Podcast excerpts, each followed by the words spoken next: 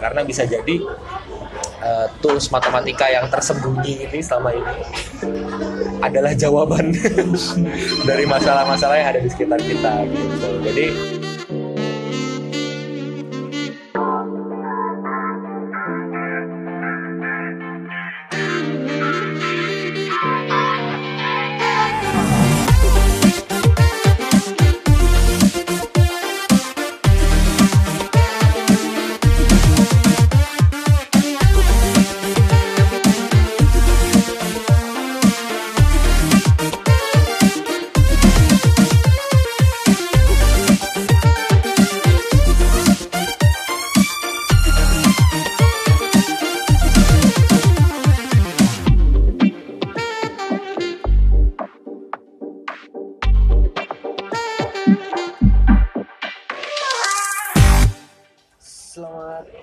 siang, sore, malam pada para pendengar Sakit.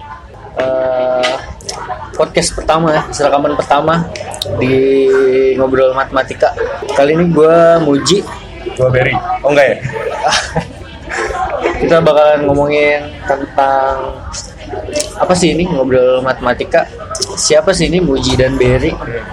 Dan ya nantinya ini akun podcast tuh mau buat apa nih? Ngobrolin apa gitu? Oke gitu ya. Hmm. Kenalannya dulu kali ya. Oke. Iya. Eh, lu dulu Ber. Oh, gua dulu. Iya. Oke, gue Berry. Halo semuanya. Eh, gue sekarang kerja jadi kepala sekolah di RUD School of Science. Salah satu co-founder dari Matik. Oh iya, ini bayangin nih ada Berry, kepala sekolah. Bayangin bapak-bapak pakai eh, batik jenggotan, ya. badannya buncit. Enggak, enggak, gue enggak. Lu jangan ngerusak imajinasi orang lu. gue Muji, sekarang kerja di sebuah e-commerce. Gak boleh disebut apa? Boleh sih, Sebut buka lapak. Ya. Buka lapak sambil kuliah di UI. Nah, sekarang bayangin anak kuliah kerja di startup.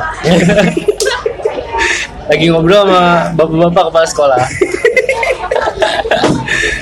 Di sini kita atas nama ngobrol matematika. Sakit. Apa tuh ngobrol matematika? Kalau ada yang belum follow, suruh follow dulu kan. Oke. Jadi ngobrol matematika bisa lu saat ini bisa lu temuin di Instagram Ya. di @ngobrolmatematika. Nah, kalau misalnya lu mau ngelihat bapak-bapak kepala sekolah yang tadi ngomong itu bisa lihat di situ tuh. Tapi jangan kaget kalau di sana nggak ada bapak-bapak gitu. Tapi ngobrol matematika sebenarnya kan bukan sekedar eh, akun Instagram ya. Jadi sebenarnya eh ya ngobrol matematika matematika ini bisa dibilang kayak komunitas juga, tapi media juga, tapi eh, gerakan juga gitu. Jadi bisa di bisa dianggap sebagai banyak hal sih. Tapi intinya ini sekumpulan orang-orang yang saat ini menggunakan beberapa medium, salah satunya Instagram. Terus juga kita sempat bikin uh, Kogar, Iya. lalu sempat uh, ngobrol juga di beberapa kesempatan di kampus-kampus uh, untuk menyuarakan tentang matematika yang lebih uh, bersahabat, matematika yang lebih bisa diakses oleh makin uh, lebih banyak orang gitu. Supaya uh, kita pengennya sih Indonesia lebih celik matematika bahasa kita ya. Habis. Apa Celik sih? tuh apa?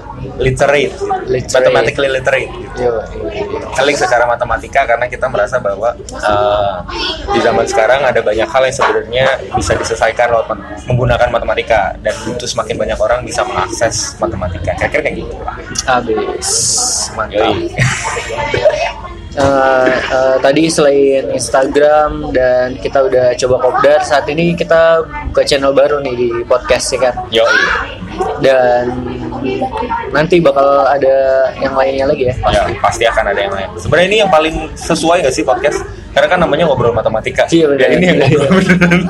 jadi baru mulai ngobrol beneran nah kalau di di ngobrol matematika tuh mulainya dari kapan Mulainya sebenarnya tanggal gue lupa tanggal berapa Juni ya Juni Instagram tuh Instagramnya tuh baru live tuh sekitar awal Juni gitu. Tapi sebenarnya idenya udah ada dari tahun 2017. Tahun 2017 tuh kan gue baru balik kuliah dari London.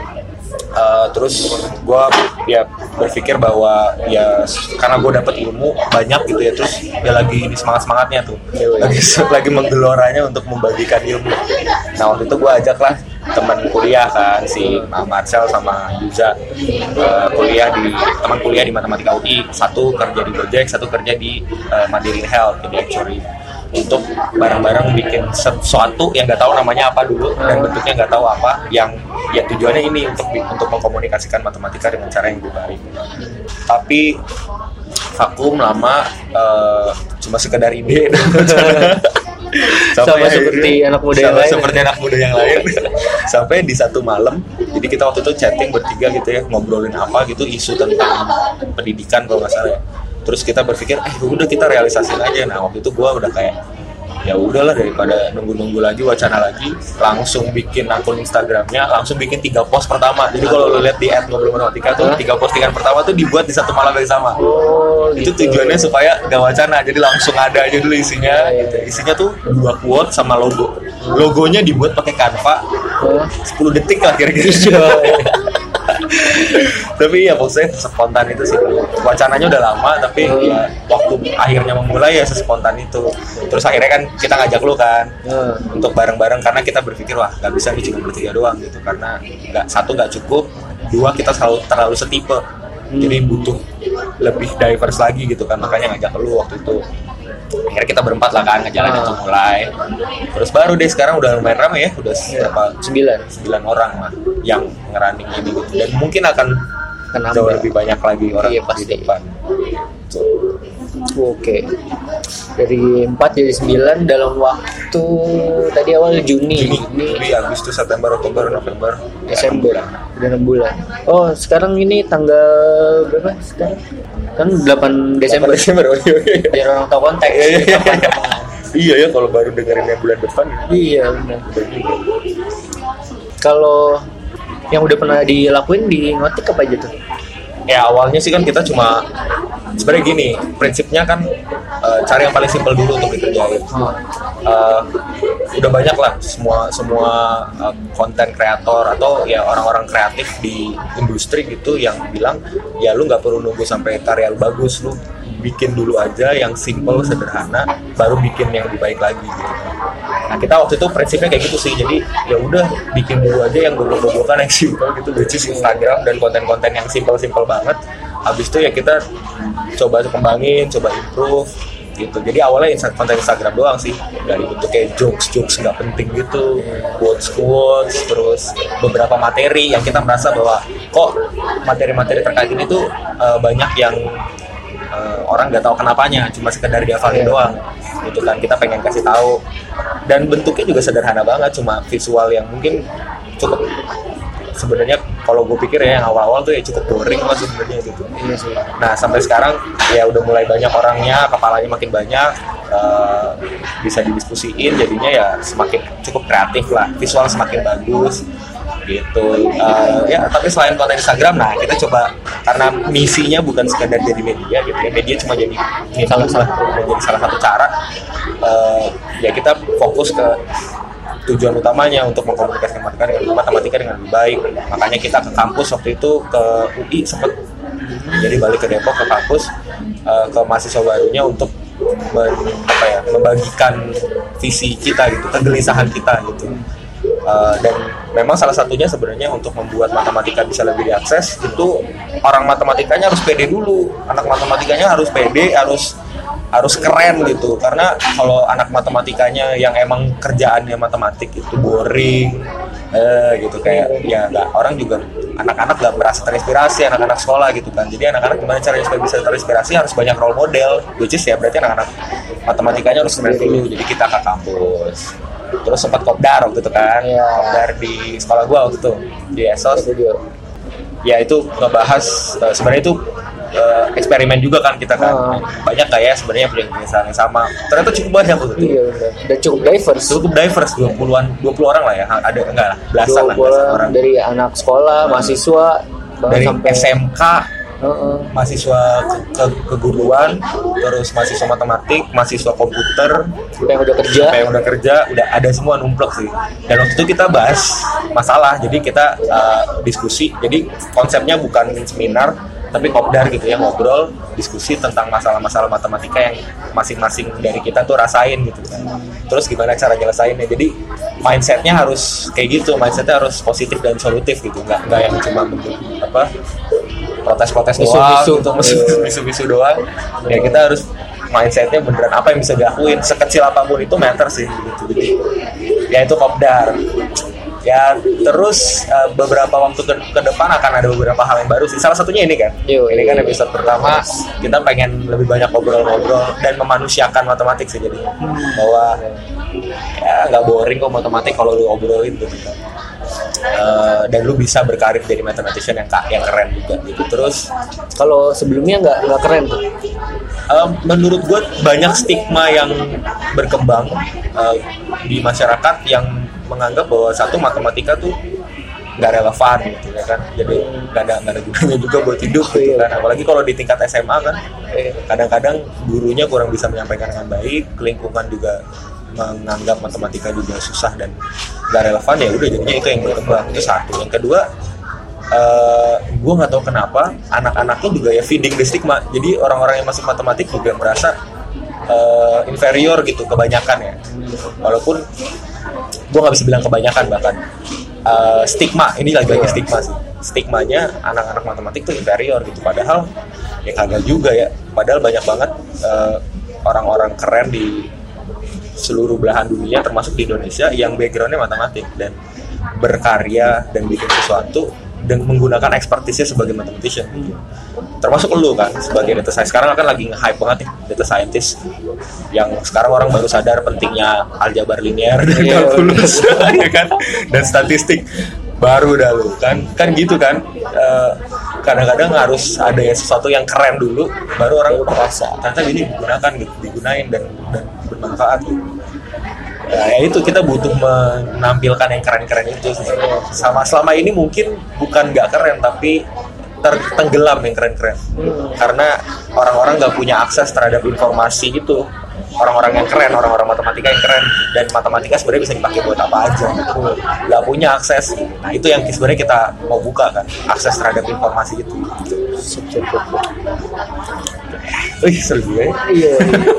Baru belum sama. Bahkan eh, yang di World Economic Forum kemarin kan tiga skill yang lagi apa namanya yang lagi tinggi peminatnya itu tuh bisa di provide dari jurusan matematik ada data data analis eh, artificial intelligence sama machine learning ya karena memang sekarang seluruh kegiatan kita mostly digital dan kalau udah digital udah pasti datanya banyak dan kalau datanya banyak udah pasti cara ngolahnya ya tiga hal itu Iya. Dan bahkan eh, itu tuh nggak nggak cuma apa namanya. Jadi jurusan lain juga menganggap kayak wah kita juga harus ini nih provide pendidikan matematik yang oke gitu Iya, iya. di FE di Fasilkom gitu kan. Jadi ya masa anak matematika sendiri nggak bisa perform kan di situ. Itu aneh sih. Iya iya. Sekarang tuh ya itu unik juga sih menurut gue karena eh, akhirnya ada satu gelombang besar gitu ya tentang artificial intelligence, machine learning, data analis, data scientist ini yang membuat akhirnya semua orang sadar bahwa satu matematika itu memang eh, sangat berguna dalam tataran yang sangat praktis. Kedua nggak cuma orang matematik yang yang harus bisa matematik, ya kan? Karena kalau lu ngandelin cuma orang dari at least dari komputer dan matematika ya. Kalau lu cuma ngandelin orang fasilkom gitu ya fasilkom fasilkom lokal ya istilahnya. Kalau lu cuma ngandelin anak ilmu komputer sama anak matematika nggak akan cukup supply-nya untuk ngasih human resource gitu ya. Orang-orang yang bisa bikin komputer bikin artificial intelligence nah analisis data dengan baik nggak cukup. Jadi orang-orang FE harus bisa sendiri orang-orang psikologi harus bisa sendiri orang-orang hukum harus bisa sendiri gitu. Jadi eh, menurut gua ya akhirnya jurusan-jurusan itu pada akhirnya merasa bahwa penting untuk ngajarin matematika dan statistik ke level yang lebih mendalam gitu, ke pemahaman. Karena gue denger juga anak-anak komunikasi kan dapat statistik juga tuh ya. Ya, semuanya dapat statistik sih, Semua jurusan dapat statistik. kan. Cuma sekarang gara-gara ada data science ini, semuanya jadi lebih lebih fokus ke situ gitu karena ini tools yang sangat powerful dan yes panik mulai panik kayak semua orang "Ah, gimana nih caranya supaya bisa matematikanya lebih dalam lagi karena ya lu kalau mau belajar AI machine Iya. learning kan kalau aljabar linear nih kan Iya, Iya. ke mana ya anak matek? Iya. Berarti ini salah satu peluang nih anak matek Iya makanya bersinar ya. Harusnya harusnya anak matematika mer- bisa nggak inferior lagi, Ah. bisa pede dengan kemampuannya dan beneran mau contribute gitu dengan expertise sebagai matematika. Dan dengan kebutuhan yang tinggi saat ini harusnya juga anak-anak yang di bawahnya kayak SMA gitu berarti harusnya udah nggak harus takut ya. Nah itu juga menurut gue ya. eh, ini ini ini gue ini unik menurut gue karena kita nih sadar ya tentang industri yang udah bergerak ke arah data science dan lain sebagainya. Tapi gue nggak tahu seberapa banyak anak-anak di level sekolah menengah udah sadar dengan hal itu dan guru-gurunya. Jadi gue nggak tahu apakah oh, seberapa banyak anak-anak SMA yang sadar bahwa kerjaan tuh nggak melulu itu itu aja gitu. Dan sekarang requires lu beneran untuk jadi melek teknologi dan melek matematik sebenarnya.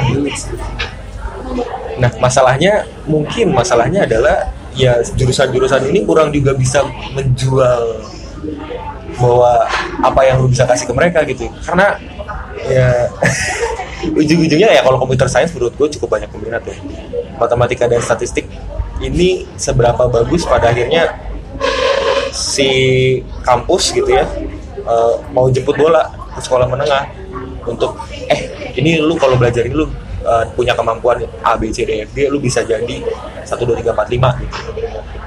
Nah itu menurut gue menarik juga untuk nanti kita obrolin karena ya harusnya itu jadi bagian dari Iya. concernnya ngotik juga nanti kan bahwa gimana caranya kalau ngajak barengan sama kampus ke sekolah-sekolah untuk ngasih tahu profesi-profesi ini gitu. Ya harusnya sih emang kita harusnya sih populer ya karena gila lu di mana-mana nggak kayak data scientist tuh susah banget carinya satu. Iya. Terus semuanya punya sekarang data scientist. Lu mau di industri apa juga pasti punya. Mau lu di bank, mau lu di uh, IT, mau lu di jasa, semua sekarang kalau yang udah melek ya udah punya semua data scientist. Saintis dan analis. Sih.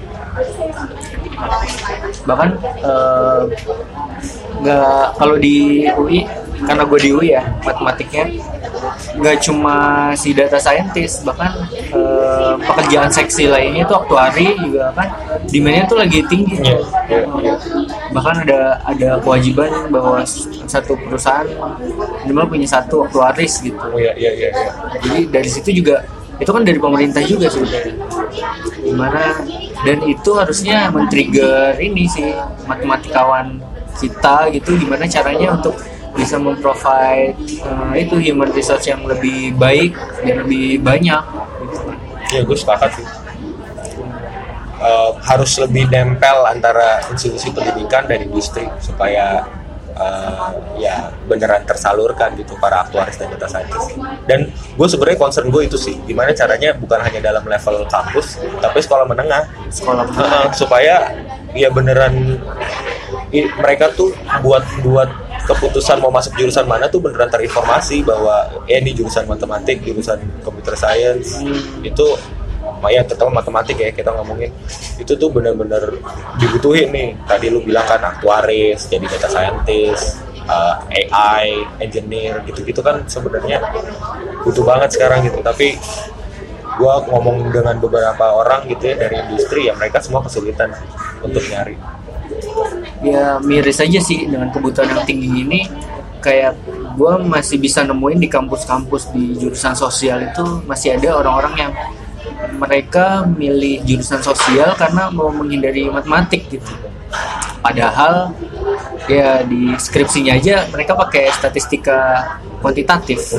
Masih masih ketemu sebenarnya.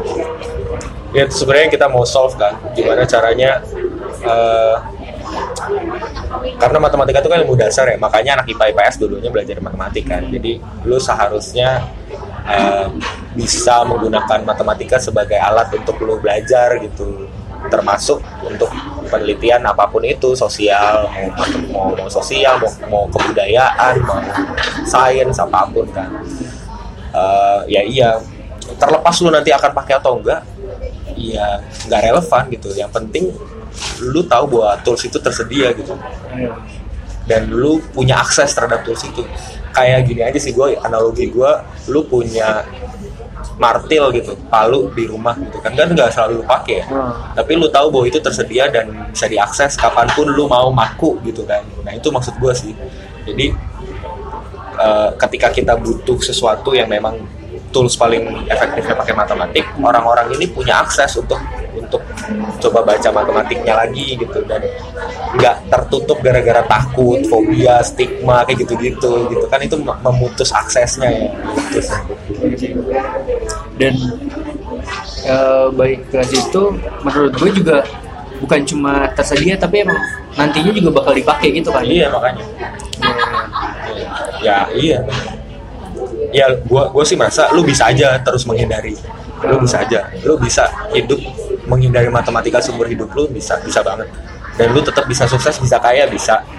Tapi eh, apakah itu yang terbaik? Gue nggak tahu. Karena menurut gue eh, sekarang ini tuh ada banyak banget masalah di sekitar kita ya. Masalah sosial masalah eh, scientific juga yang banyak kayaknya tools buat nge-unlocknya ya data science. Salah satunya. salah satunya data kan pakai data dan mengolahnya menggunakan matematik. Eh, takutnya kita menghindari matematik means kita menghindari masalah yang ada di sekitar kita. Iya benar. jadi kita detach dengan masalah-masalah itu. Jadi ya lu nggak peka lagi dengan masalah-masalah yang ada di sekitar lu. Gitu. Karena eventually kalau lu beneran peka sama masalah yang di sekitar lu dan lu berusaha untuk solving itu eventually lu akan ketemu dengan data eventually lu akan ketemu dengan matematik kalau lu menghindar dari matematik means mungkin lu menghindar dari masalah-masalah yang real yang ada di masyarakat gitu. Jadi peran lu sebagai bagian dari masyarakat itu sebatas eh, ya lu nggak nggak nggak ikut ambil bagian untuk menyelesaikan gitu aja sih. Which is sayang ya karena kan harusnya eh, kita bareng-bareng nih nyelesain masalah-masalah di sekitar kita gitu kan. Semakin banyak yang ik- ikut serta semakin bagus. kalau eh, orang lain bisa tuh kalau misalnya kita si dari ngotik sendiri kan kita emang berusaha untuk mengkomunikasikan matematik secara lebih baik gitu. Nah kira-kira orang lain eh, di luar ngotik gitu bisa ngapain? Bisa banyak sih. Karena yang tadi gue bilang ngotek ini kan salah satunya bisa di, bisa dilihat sebagai gerakan. Gerakan untuk ngobrolin matematik gitu. jadi yang paling simpel yang bisa lo lakukan adalah ngobrolin matematik gitu kan Eh, anak matematika harus berani ngobrolin matematik dan harus eh, mau karena kalau nggak kita yang ngobrolin siapa yang ngobrolin gitu kan. Dan kenapa penting untuk ngobrolin? Karena menurut gua penting untuk membuat ini bagian dari kebudayaan kita. Karena kan sesuatu yang diobrolin means sesuatu yang udah jadi sehari-hari dan sesuatu yang memang jadi bagian dari culture kita kan. Selama matematik, science itu bukan bagian dari kebudayaan kita ya kita akan selalu terbentur gitu nah maksud gua ya penting untuk orang-orang tuh semuanya itu ngobrolin matematik itu yang pertama. Yang kedua ya coba ini aja apa berusaha melepaskan stigma-stigma itu. Karena apalagi kalau lu menurunkan ke orang-orang di terdekat lu gitu. Misalnya lu gak suka banget fobia banget sama matematika terus lu bilang sama anak lu Duh matematika tuh emang susah ya gitu ya. Mungkin cuma ceplosan doang tapi somehow terakumulasi dengan apa yang ada di masyarakat dan jadinya bisa jadi itu terinternalisasi sama si anak gitu. Dan bukan hanya sama buat si anak ya tapi buat siapa pun. Dan gue sekarang membiasakan diri untuk merespon kalau ada orang bilang ih matematik aduh gue nggak banget sama matematik matematik gue untuk gue berusaha untuk tidak merespon mengiyakan itu gue entah gue diemin atau gue gua gua Kontra. coba gue coba kontra gitu gue coba ajak mikir gitu. Eh, karena ya paling tidak pemikiran-pemikiran kayak gitu harus terus di challenge gitu. Dan kadang-kadang yang kayak gitu cuma keceplosan bercanda-bercanda doang gitu. Sih. tapi ya nggak apa-apa kalau bercanda tapi habis itu perlu di-clarify gitu. Karena kalau bercandaannya terus jadi bagian dari pemikiran kita itu bahaya juga gitu kan jadi mindset sama ya follow ngotik, ya. terus ya kalau bisa share share share share tentang materi-materinya tentang campaign kita tentang uh, postingan-postingannya. Karena joke-joke yang sampah-sampah tentang matematik itu kan tujuannya juga supaya eh lu bisa loh ngobrolin matematik tapi kan usah serius-serius banget gitu kan. Gitu kan sebenarnya kan message-nya kan sebenarnya itu Eh, nggak perlu serius-serius banget kok untuk ngobrolin matematik gitu. Eh, bisa udah buat santai kayak gitu sih ngobrolin tuh berarti kayak misalnya kita eh, sama teman-teman kita ngobrolin bola lah gitu ya ngobrolin politik walaupun sok tahu sok tahu gitu tapi eh, at least kita mulai nih ya Iya. ngomongin Iya, iya, matematik ngomongin saintik ya sotoy-sotoy ya nggak apa-apa lah ya Iya, gue sepakat sih. Sesimpel nggak harus matematiknya sih. Kayak no, kayak main bola aja kan lu kan nggak selalu nggak harus selalu ngomongin bolanya kan, tapi bisa gosip-gosip di sekitar bola gitu. kan. Matematik kan juga banyak gosipnya.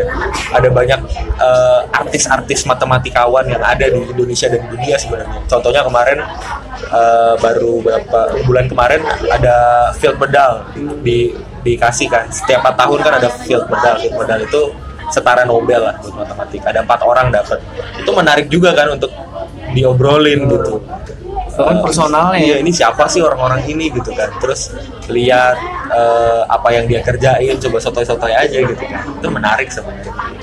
Apalagi sekarang ada data science yang membuat obrolan matematika bisa sedekat itu gitu kayak eh, wah coba nih eh, misalnya ngomongin politik lah ngomongin apa sih misalnya?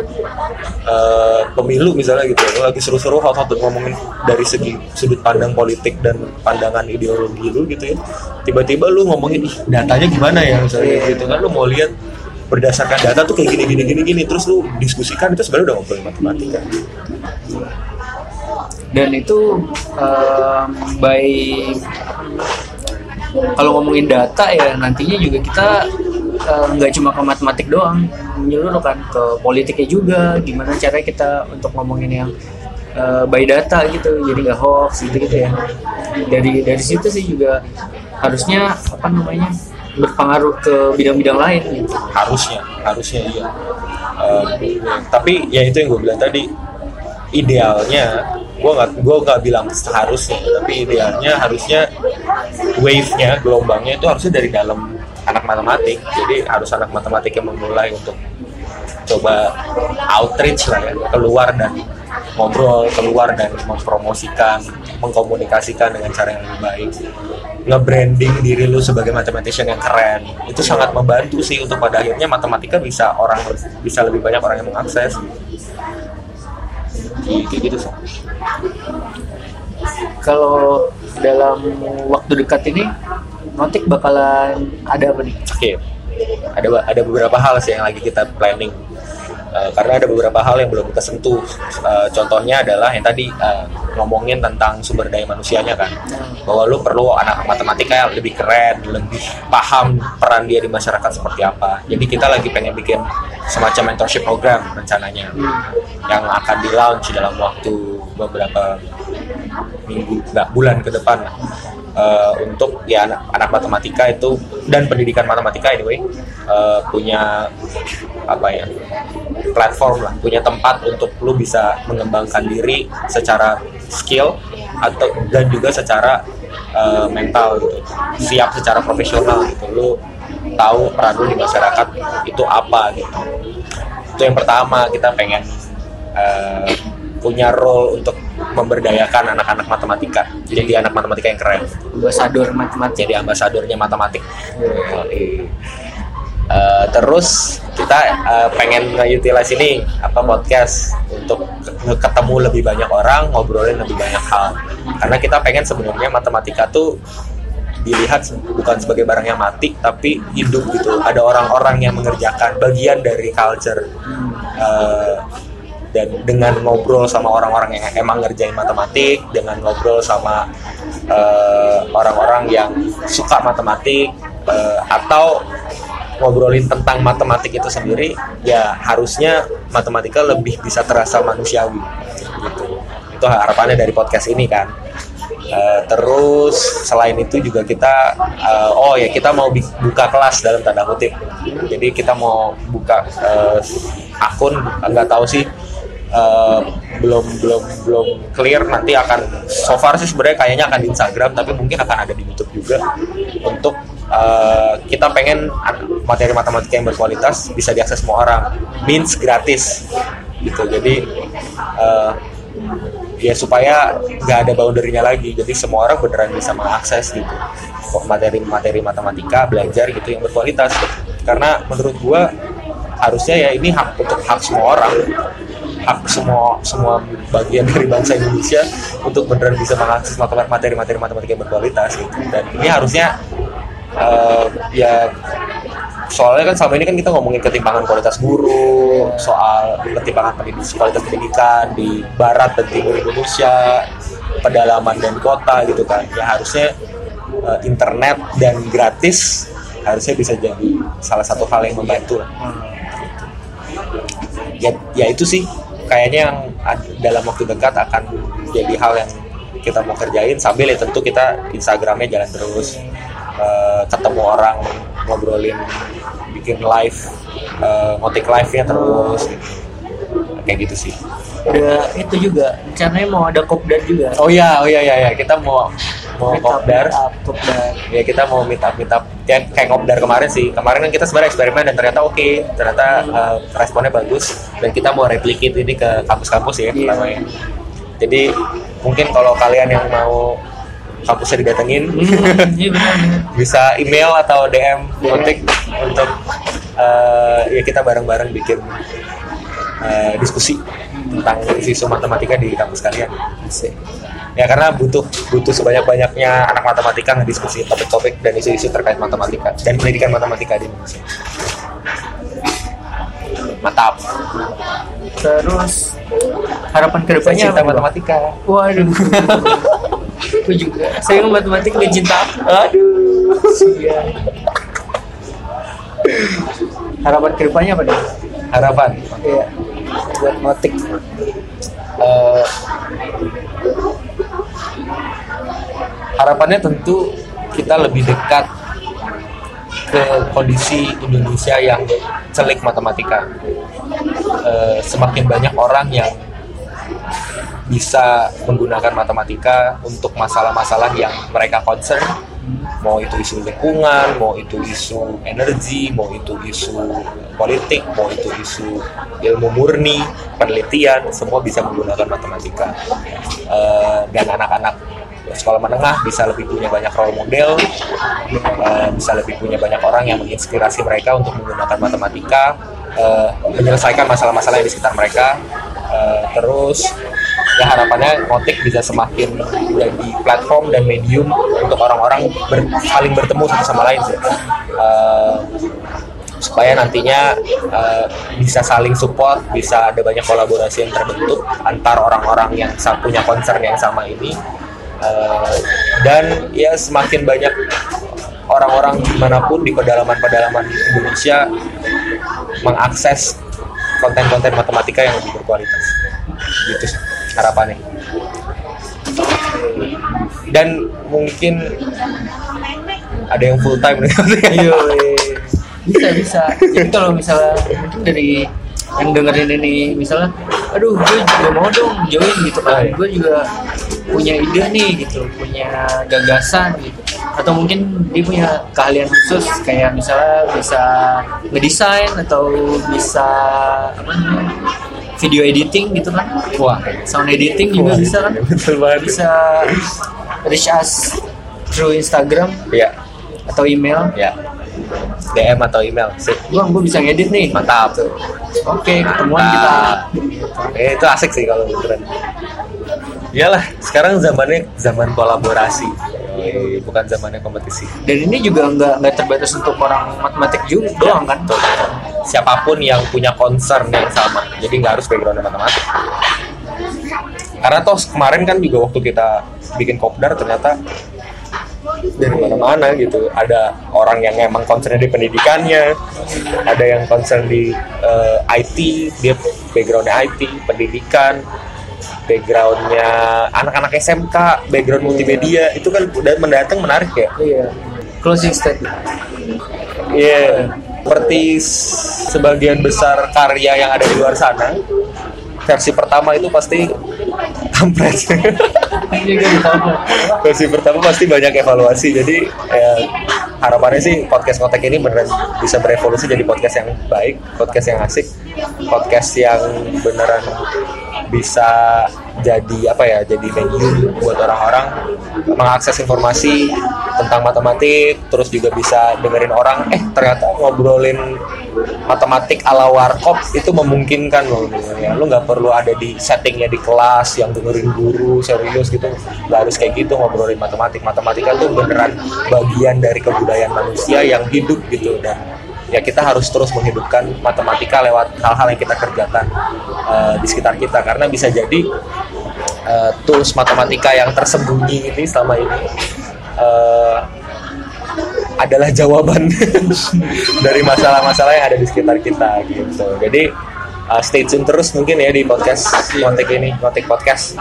Uh, mudah-mudahan ke depan akan ada pembicara-pembicara yang top notch ya, yang keren-keren. Pasti pasti. Mantap. Oke, sekian di episode pertama di siniar ngobrol matematika. Yoi. Gue Muji cabut. Gue Berry. Iya. Cabut juga. Bye. Bye bye. Thank you.